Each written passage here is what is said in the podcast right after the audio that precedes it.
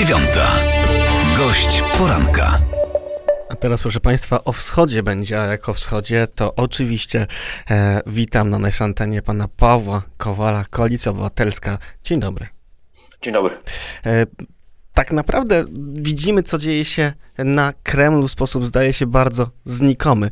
E, niedawno Władimir Putin miał mieć operację. Czy to jest tak, panie pośle, że to kolejna sztuczka, sztuczka PR-owa? E, czy ziszczać się może, też nie, niegdyś mówiony przez pana scenariusz, że Putin zaczyna być odsuwany od władzy w Moskwie? Dzisiaj szczegółowe analizy, które czytam i do których mam dostęp, pokazują, że Putin jest, e, przebywa właściwie już od wielu miesięcy w wąskim kręgu osób, ma ograniczony kontakt e, ze światem zewnętrznym, a także ograniczony kontakt do informacji. Kluczem w takich sytuacjach wojennych jest kontakt do, do informacji, do rzetelnej wiedzy o sytuacji na froncie. I, I, nie ulega wątpliwości, że Putin jest w stanie pewnej izolacji, także izolacji mentalnej. Mm. Analizy, które pokazują, które są oparte o, o, o opowieści ludzi, którzy z nim rozmawiali, a było to niewiele osób.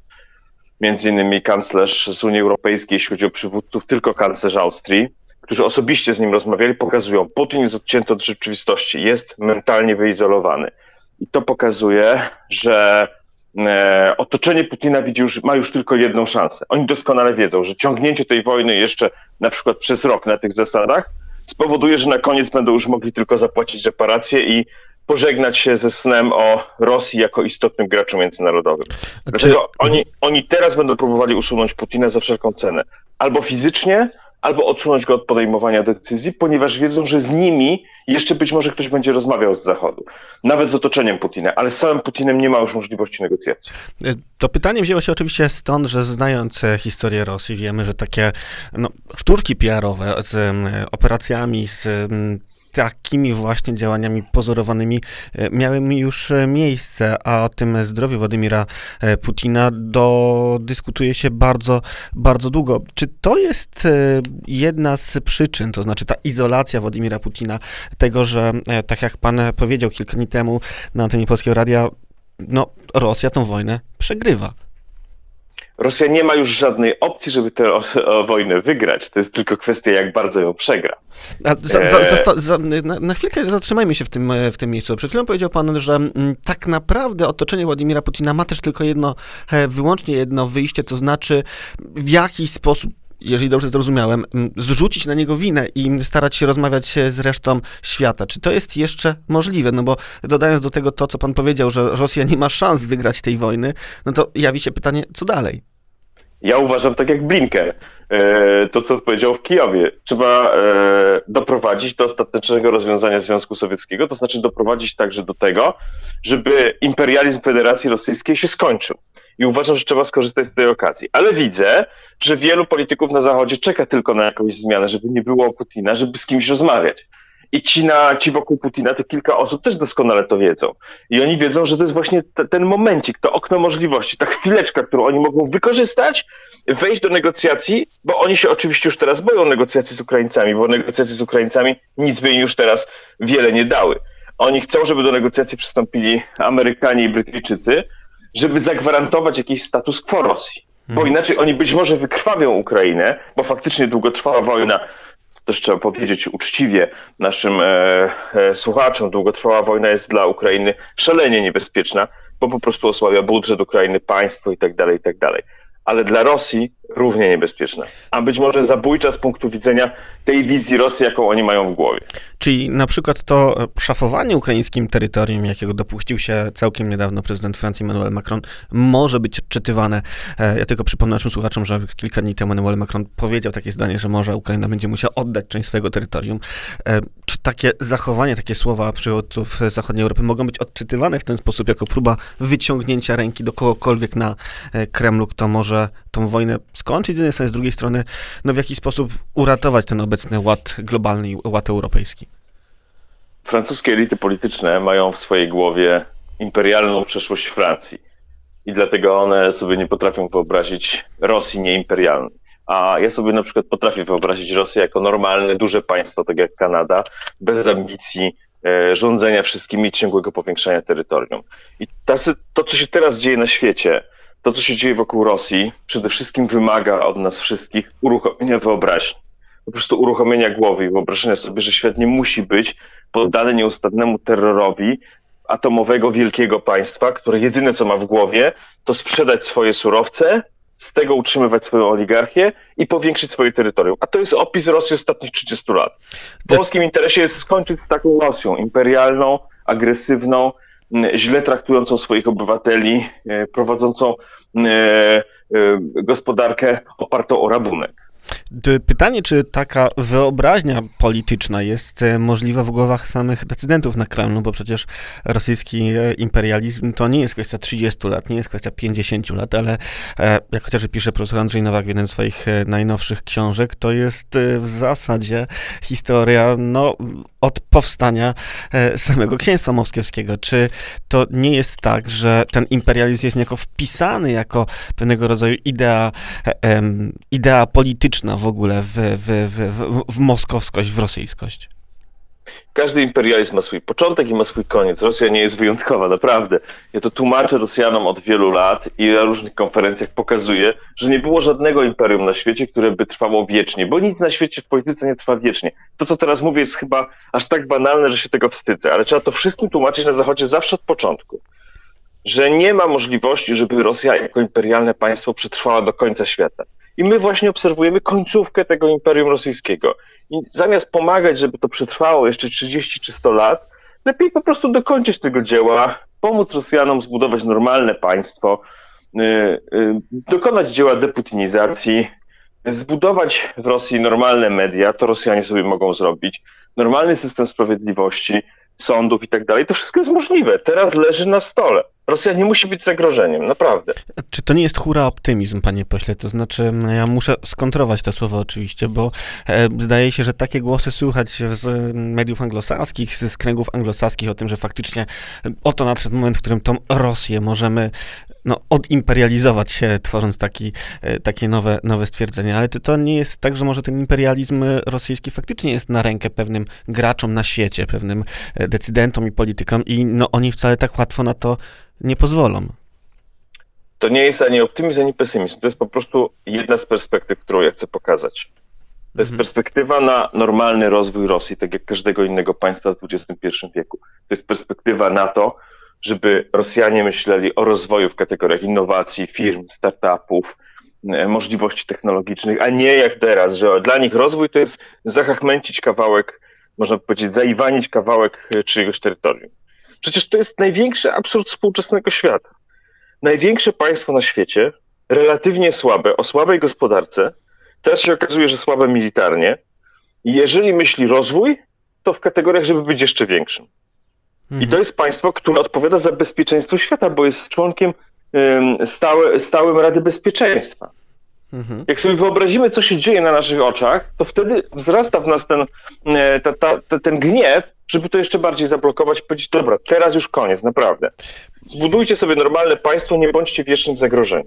A co z tym, że lata polityki włączania Rosji w struktury europejskie, chociażby niemieckiej polityki, co w związku z tym, że takie miasta jak Moskwa czy Petersburg, no, klasa średnia tam przez wiele lat miała możliwość dołączenia do tego europejskiego systemu i technologicznego, i wartości, i wymiany dóbr, demokratyzowania się, to nie jest przykład tego, że jednak takie próby stworzenia nowej Rosji, e, czy Rosji nieimperialnej, one muszą spalić na panewce?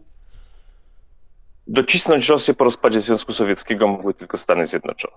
I tego nie zrobiły? I, i tego nie zrobiły w wystarczającym stopniu. Zrobiły to do połowy, a około 93-4 roku uznały, że się uda zbudować demokratyczną e, Rosję jej siłami. Dzisiaj już widzimy, że się nie uda i że właśnie wtedy zresztą zaczęły się kłopoty.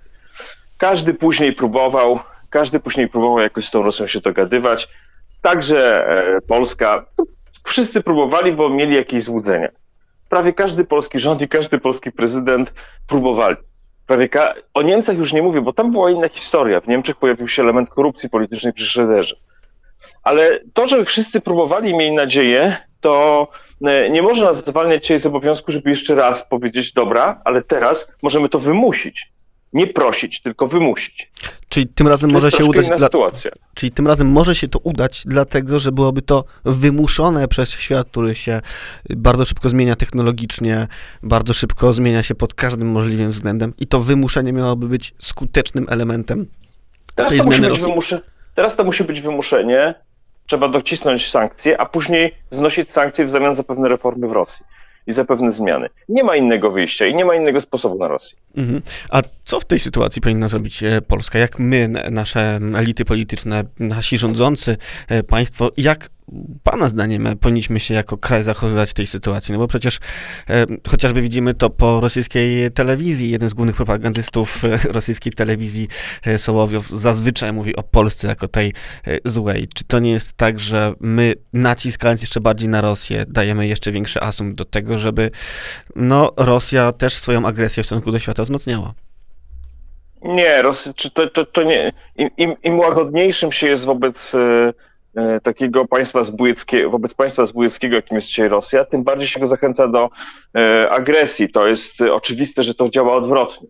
Łagodność, okazywanie słabości, tym bardziej ich zachęci do agresji. Nie miejmy w tej sprawie żadnych złudzeń. To jak my powinniśmy się zachować jako Polska w tej sytuacji, która zdaje się dla nas też jest dziejową szansą? Przygotować plan deputinizacji, przygotować plan e, odbudowy Ukrainy, pokazać, jak świat może wpłynąć na Rosję, rozpisać to w szczegółach, pokazywać to na Zachodzie, tak żeby się przyzwyczaili nasi partnerzy na Zachodzie, że my tym razem nie odpuścimy, będziemy oczekiwali reakcji. Że nie może być tak, że Rosja sobie wjeżdża, niszczy miasta na Ukrainie, niszczy infrastrukturę, ale przede wszystkim morduje ludzi, dokonuje ludobójstwa, a w zamian za to e, Unia Europejska i Stany Zjednoczone odbudowują później. Tak być nie może tym razem. Tylko już teraz trzeba się skupić na tym, na tej wizji świata po wojnie. Mhm. A to nie jest tak, że wszyscy w zasadzie e, na świecie sądzili, że Ukraina bardzo szybko zostanie przez Rosję podbita i odbudować Ukrainę będzie można bardzo szybko, a przez to oczywiście e, z różnych krajów popłyną tam pieniążki na tę odbudowę. Czym takie polskie działania miałyby się różnić wobec tych, które e, no, na samym początku tej wojny słyszeliśmy chociażby z gazet włoskich, francuskich czy niemieckich? My dzisiaj już dużo więcej wiemy. Oczywiście, że przez 4-5 pierwszych dni na świecie dominował pogląd, a pewnie nawet na samej Ukrainie e, politycy uważali, że to jest kwestia kilku, kilku dni i będzie duży kłopot, bo Rosjanie będą w Kijowie. Dziś już wiemy, że jest inaczej. Dzisiaj e, widać słabość Rosji. Można powiedzieć, że Rosja stoi dzisiaj bez gaci przed całym światem. To Rosja, o której wszyscy myśleli, że należy się jej bać od rana do wieczora. Mhm. E, I to, jest, to, są, to są fakty, na, na bazie których można dzisiaj budować nowe programy i można pokazywać, co, co się da zrobić. Żeby się potem nie okazało, że a nikt nie pomyślał, a już za późno. Mhm. A gdzie jest klucz tego sukcesu ukraińskiego? No, tak jak pan powiedział, no, 4-5 pierwszych dni cały świat sądził, że Ukraina e, czy Kijów padnie po kilku dniach tej wojny, a tutaj mamy 80, zdaje się, czwarty dzień, e, 85 dzień, przepraszam, e, tej wojny i no widać, że to Ukraińcy przejęli, zdaje się, już inicjatywę w tej wojnie i e, jak pan mówił parę dni temu w Polskim Radiu, tę wojnę mają dużą szansę wygrać. Gdzie leży klucz do ich sukcesu? Dobrze wyszkolone wojsko. Widać, że nie zmarnowali, jeżeli chodzi o wojsko i strukturę armii z lat po 2014 roku, czyli po napaści Rosji na Donbas i na Krym. Mhm. E, dobrze zorganizowane samorządy, które są na Ukrainie w sensie finansowym dużo słabsze niż w Polsce, ale te miasta się bardzo dobrze zorganizowały i dały radę. I to nie tylko kwestia Kijowa, ale także kwestia Lwowa. Mhm. Duża mobilizacja społeczna. Bardzo dobry lobbying na Zachodzie w pierwszych dniach wojny. O tym jeszcze się mało mówi, ale sam w tym uczestniczyłem, podróżując wtedy po świecie, a częściowo towarzysząc e, ukraińskim parlamentarzystkom i widziałem, jakie są efektywne e, w zabieganiu o wsparcie dla Ukrainy. Także duża synergia działań politycznych wewnątrz. To, że oni na chwilę odłożyli swoje spory, które tam są bardzo gorące, między Zełęskim a Poroszenką, i że pokazali, że są w stanie działać razem na rzecz swojego państwa i dzięki temu to państwo wywalczą i będą e, wreszcie mieli państwo, którego nikt im nie podarował, które nie powstało w wyniku rozpa- po prostu rozpadu Związku Sowieckiego, ale które sobie po prostu razem z jego granicami wywalczyli. A czego, tak na zakończenie, panie pośle, pytamy Pawła Kowala, my tutaj w Polsce, jako Polacy, możemy się z tej sytuacji ostatnich 85 dni nauczyć? Widzimy wielką solidarność Polaków z Ukraińcami, widzimy wsparcie, które z Polski idzie, no ale też zdaje się, że coraz więcej ludzi na całym świecie patrzy na Ukrainę z podziwem. Czego my w obliczu tej wojny, jaką lekcję my dostaliśmy jako, czy to wspólnota narodowa, czy jako kraj? Z Polską jest tak. Dzisiaj Polska ma markę i e, renomę na świecie, taką jak w początkach Solidarności, szczególnie w Stanach Zjednoczonych. Więc my się możemy tylko nauczyć, żeby wykorzystywać te okazje, te możliwości, które się pojawiają nawet w tragicznych okolicznościach, bo przecież ta wojna nie jest sama w sobie niczym pozytywnym. Ale ta wojna też otwiera dla Polski wielkie perspektywy. Jeżeli nad czymś się zastanawiam, to pytanie, czy ci, którzy odpowiadają za e, pozycję Polski na świecie, umieją dobrze z tego skorzystać. Mhm.